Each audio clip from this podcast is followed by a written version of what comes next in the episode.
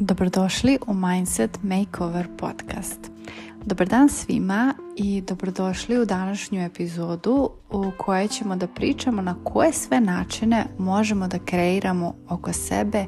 i u sebi podržavajuće okruženje. Zašto ova tema? Zato što mislim da je izuzetno bitna jer kada naučimo kako sebi da kreiramo okruženje umjesto da se borimo sa postojećim ili da mu se na kraju i prilagodimo, ovo pravi razliku da li ćemo ispuniti svoj cilj ili ćemo odustati od njega. Kada smo bili na prvoj godini fakulteta, glavno pitanje koje se provlačilo kroz mnoge predmete psihologije bilo je šta tačno određuje čoveka, njegovi geni ili okruženje u kojem on odrasta i rađena su mnoga istraživanja da su glavni e, ispitanici bili blizanci jednojajčani koji su imali potpuno isti genetski materijal, potpuno iste te genetske predispozicije, ali su ih stavili u potpuno različite e, sredine, potpuno različita okruženja i e, negdje što se pokazao kao rezultat tih istraživanja je da bez obzira na isti genetski materijal i predispozicije, oni su različito te predispozicije razvili u različitim sredinama i okruženjima. Tako da e, okruženje i kako igra glavnu ulogu i ima prevlast nad onim što smo dobili rođenjem, kako će se to ispoljiti u kojoj meri.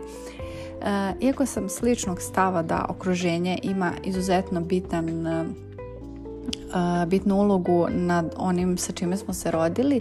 ipak eh, okruženje je to koje nam daje upustva za život, usađuje mnoga uverenja u nas i zapravo mi na osnovu tih uverenja koje dobijemo iz našeg okruženja, iz ljudi sa kojima smo okruženi, ćemo ispoljiti naš potencijal ili ga nećemo ispoljiti uopšte. I mada to nije sve pola-pola ili 80-40, ima još jedan važan faktor koji promiče, a to je naša dobra volja volja da promenimo ono postojeće koje čini možda manji procenat, možda 10% ili 5% procenata čini ta naša dobra volja, ali može da ima mnogo veći efekat. To znači da mi u svakom trenutku možemo da promenimo svoje okruženje ako imamo volju za tim. Ne samo da ga promenimo, već i da ga um, preoblikujemo da bude u skladu sa nama. To ću izbaciti. Um, Promjena okruženja može da bude na različite načine i prosto zavisi od okruženja u kojem smo mi sada. Neko se prosto nalazi u takvom okruženju među takvim ljudima da ne postoji druga opcija umjesto da se skroz izmesti iz njega ili da se preseli ili da se razvede ili šta god. A u nekim drugim situacijama i to mislim na one gdje nas ljudi iz našeg okruženja uglavnom ne razumeju. Oni nama žele dobro, vole nas, daju nam savete jer misle da će to biti za naše dobro, ali prosto oni ne razumeju naše ciljeve i u skladu sa tim ne mogu nam pružiti podršku koja je nama potrebna u tom trenutku ili koju mi očekujemo. Također ono što je izuzetno bitno jeste način na koji mi posmatramo svoje okruženje. Ljude kojima smo okruženi igra veoma važnu ulogu. Sad, ako mi ljude oko sebe i okolnosti posmatramo kao sputavajući, blokirajući, konstantno se žalimo na njih da ljudi su ovakvi onaki. Moja financijska situacija je takva da ja ne mogu da ispunim svoje ciljeve. Država se nalazi u takvoj situaciji da ja prosto ne mogu da nađem posao kakav želim da radim i slično. Ili sve te situacije koje nam se dešavaju posmatramo kao izazov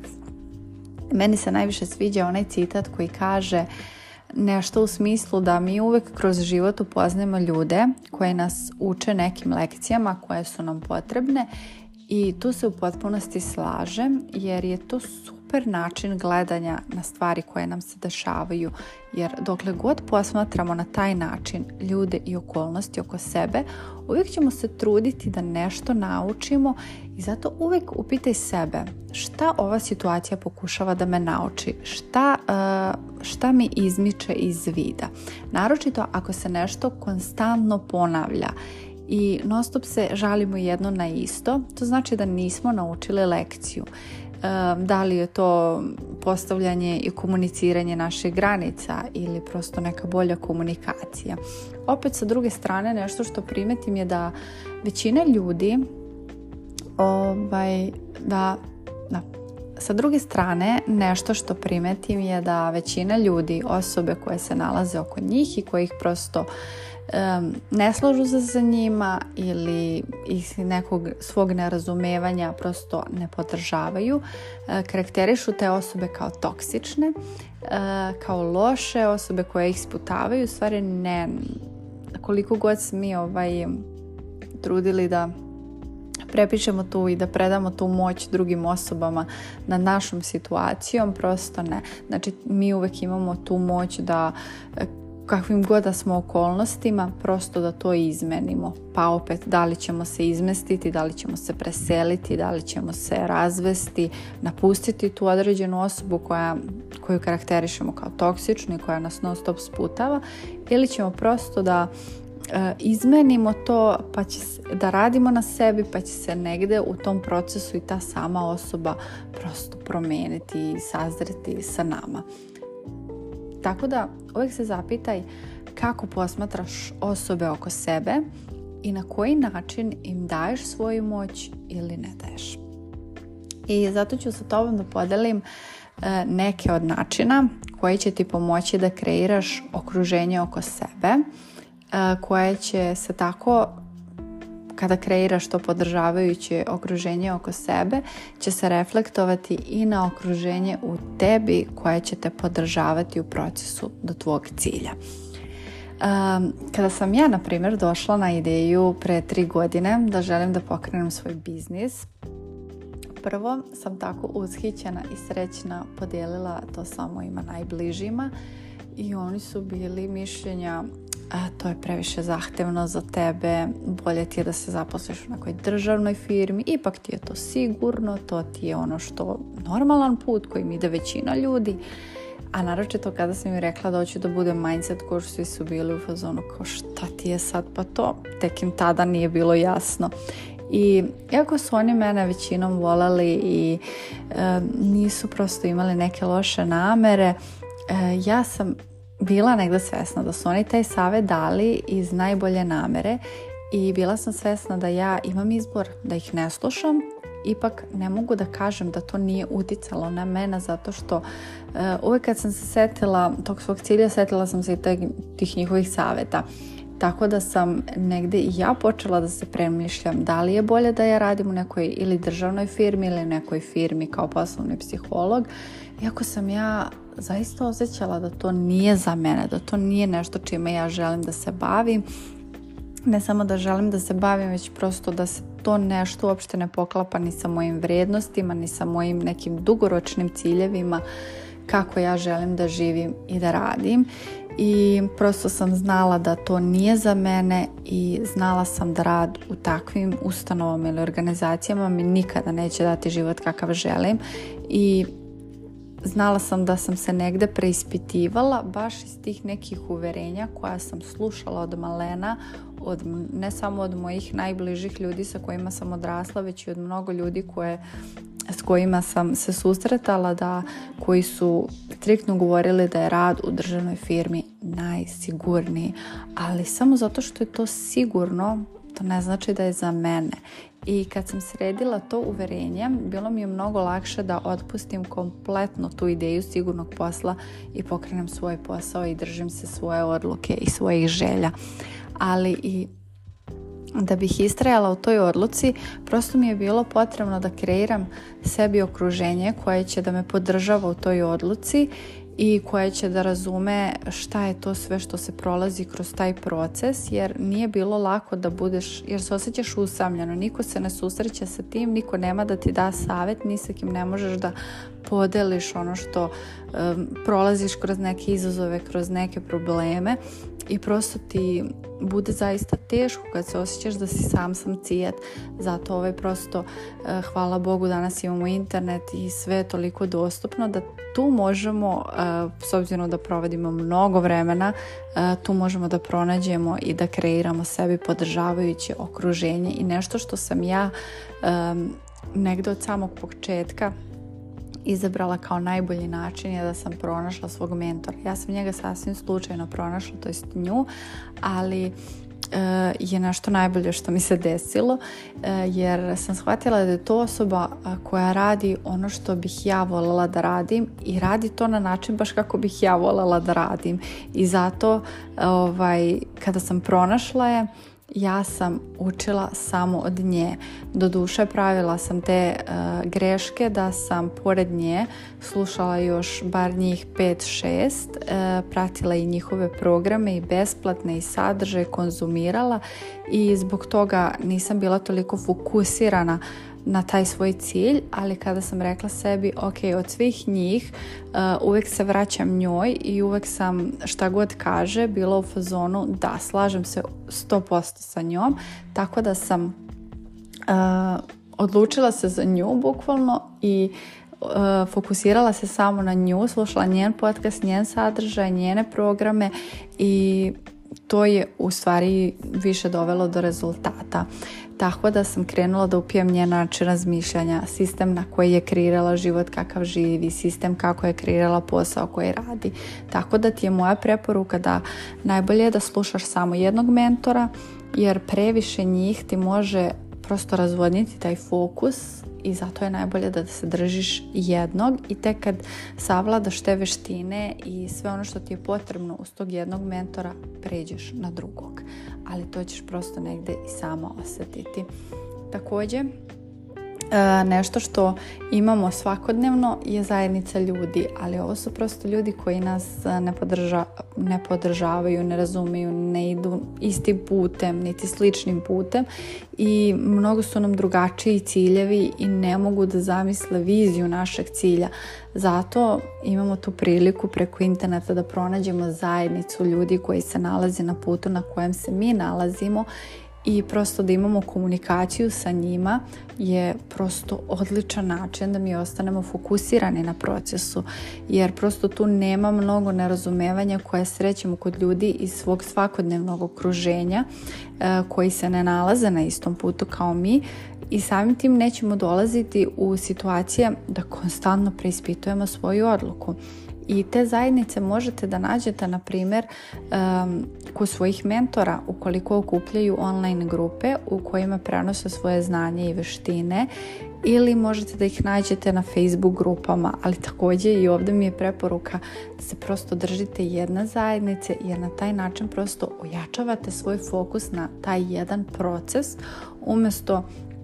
da pratite mnoštvo grupa i još veći broj ljudi i onda vaš fokus se raspe na hiljadu strana i osjećate se preplavljeno. Zato jedna zajednica, jedan mentor je ono što je izuzetno, izuzetno bitno.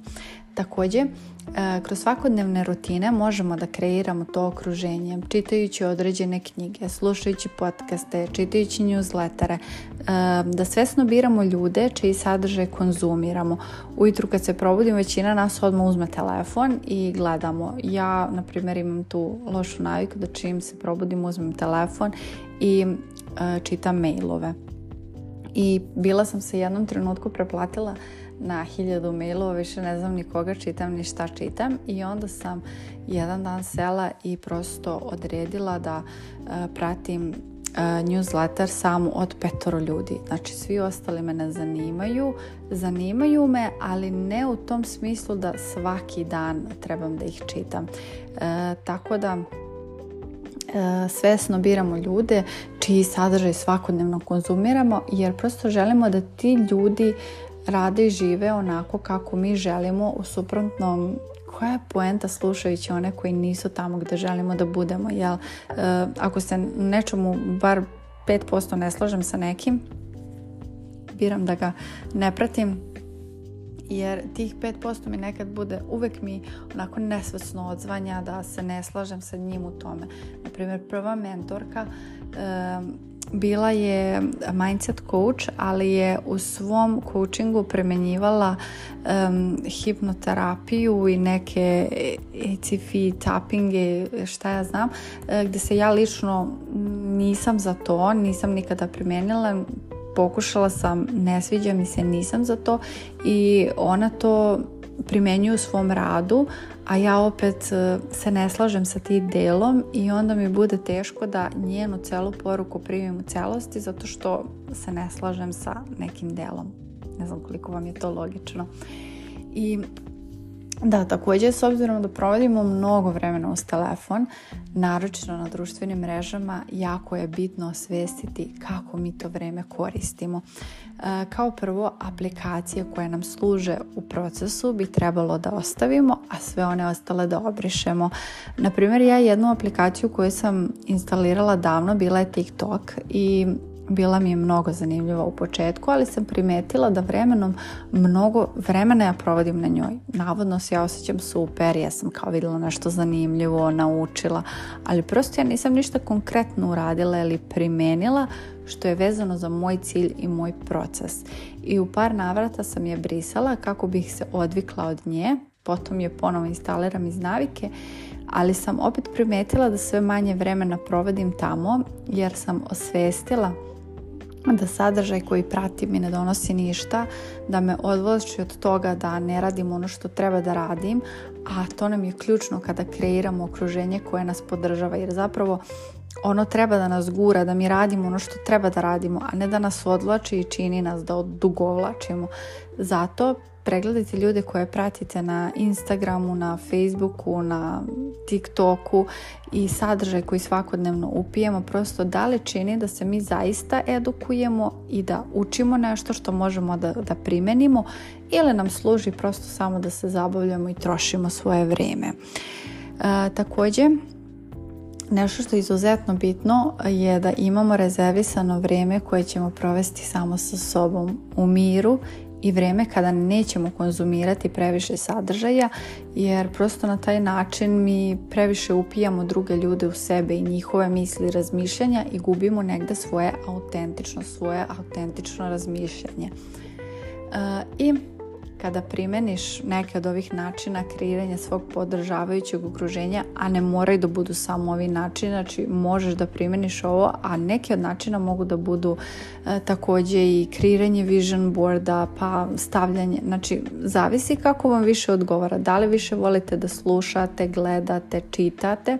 prosto na taj način kreirajte i sami svoje okruženje tako da ti bude lakše da istraješ u svom procesu i da budeš mnogo odlučnija u svojim izborima. Naravno da je izazovno održati jer svaki dan se mi susrećemo sa ljudima koji nas ne razumeju, nemaju iste ciljeve i prioritete. Zato je bitno da mi kreiramo rutinu koju ćemo svakodnevno da sprovodimo, koja će nam davati tu podržavajuću bazu svaki dan kako mi ne bismo posustali do svog cilja i odustali, već prosto shvatili da drugim ljudima ćemo uvek biti čudni jer radimo ono što nešto ne razumeju, ali to ne znači da smo mi zaista čudni,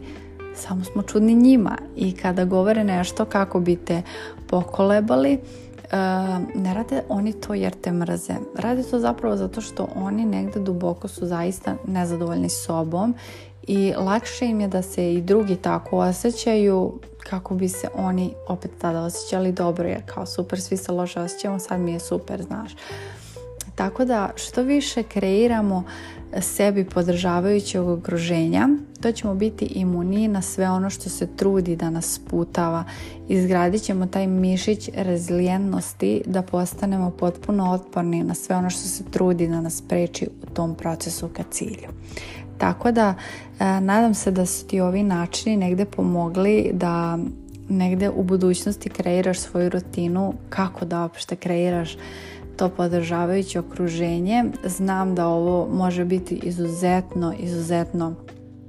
negde e, izazovno i zato što svaki dan, opet kažem, mi se susrećemo sa takvim ljudima i to je nešto što nas na svakodnevnom nivou izaziva, izaziva naš mindset. E, zato ukoliko želiš još mnogo bolje i efektivnije da radiš na tome E, dostupne su ti moje konsultacije e, gdje ćemo moći da zajedno kreiramo takvo okruženje da ti pomognem da na neke načine to bolje kreiraš. Uglavnom, do sljedećeg podcasta čujemo se.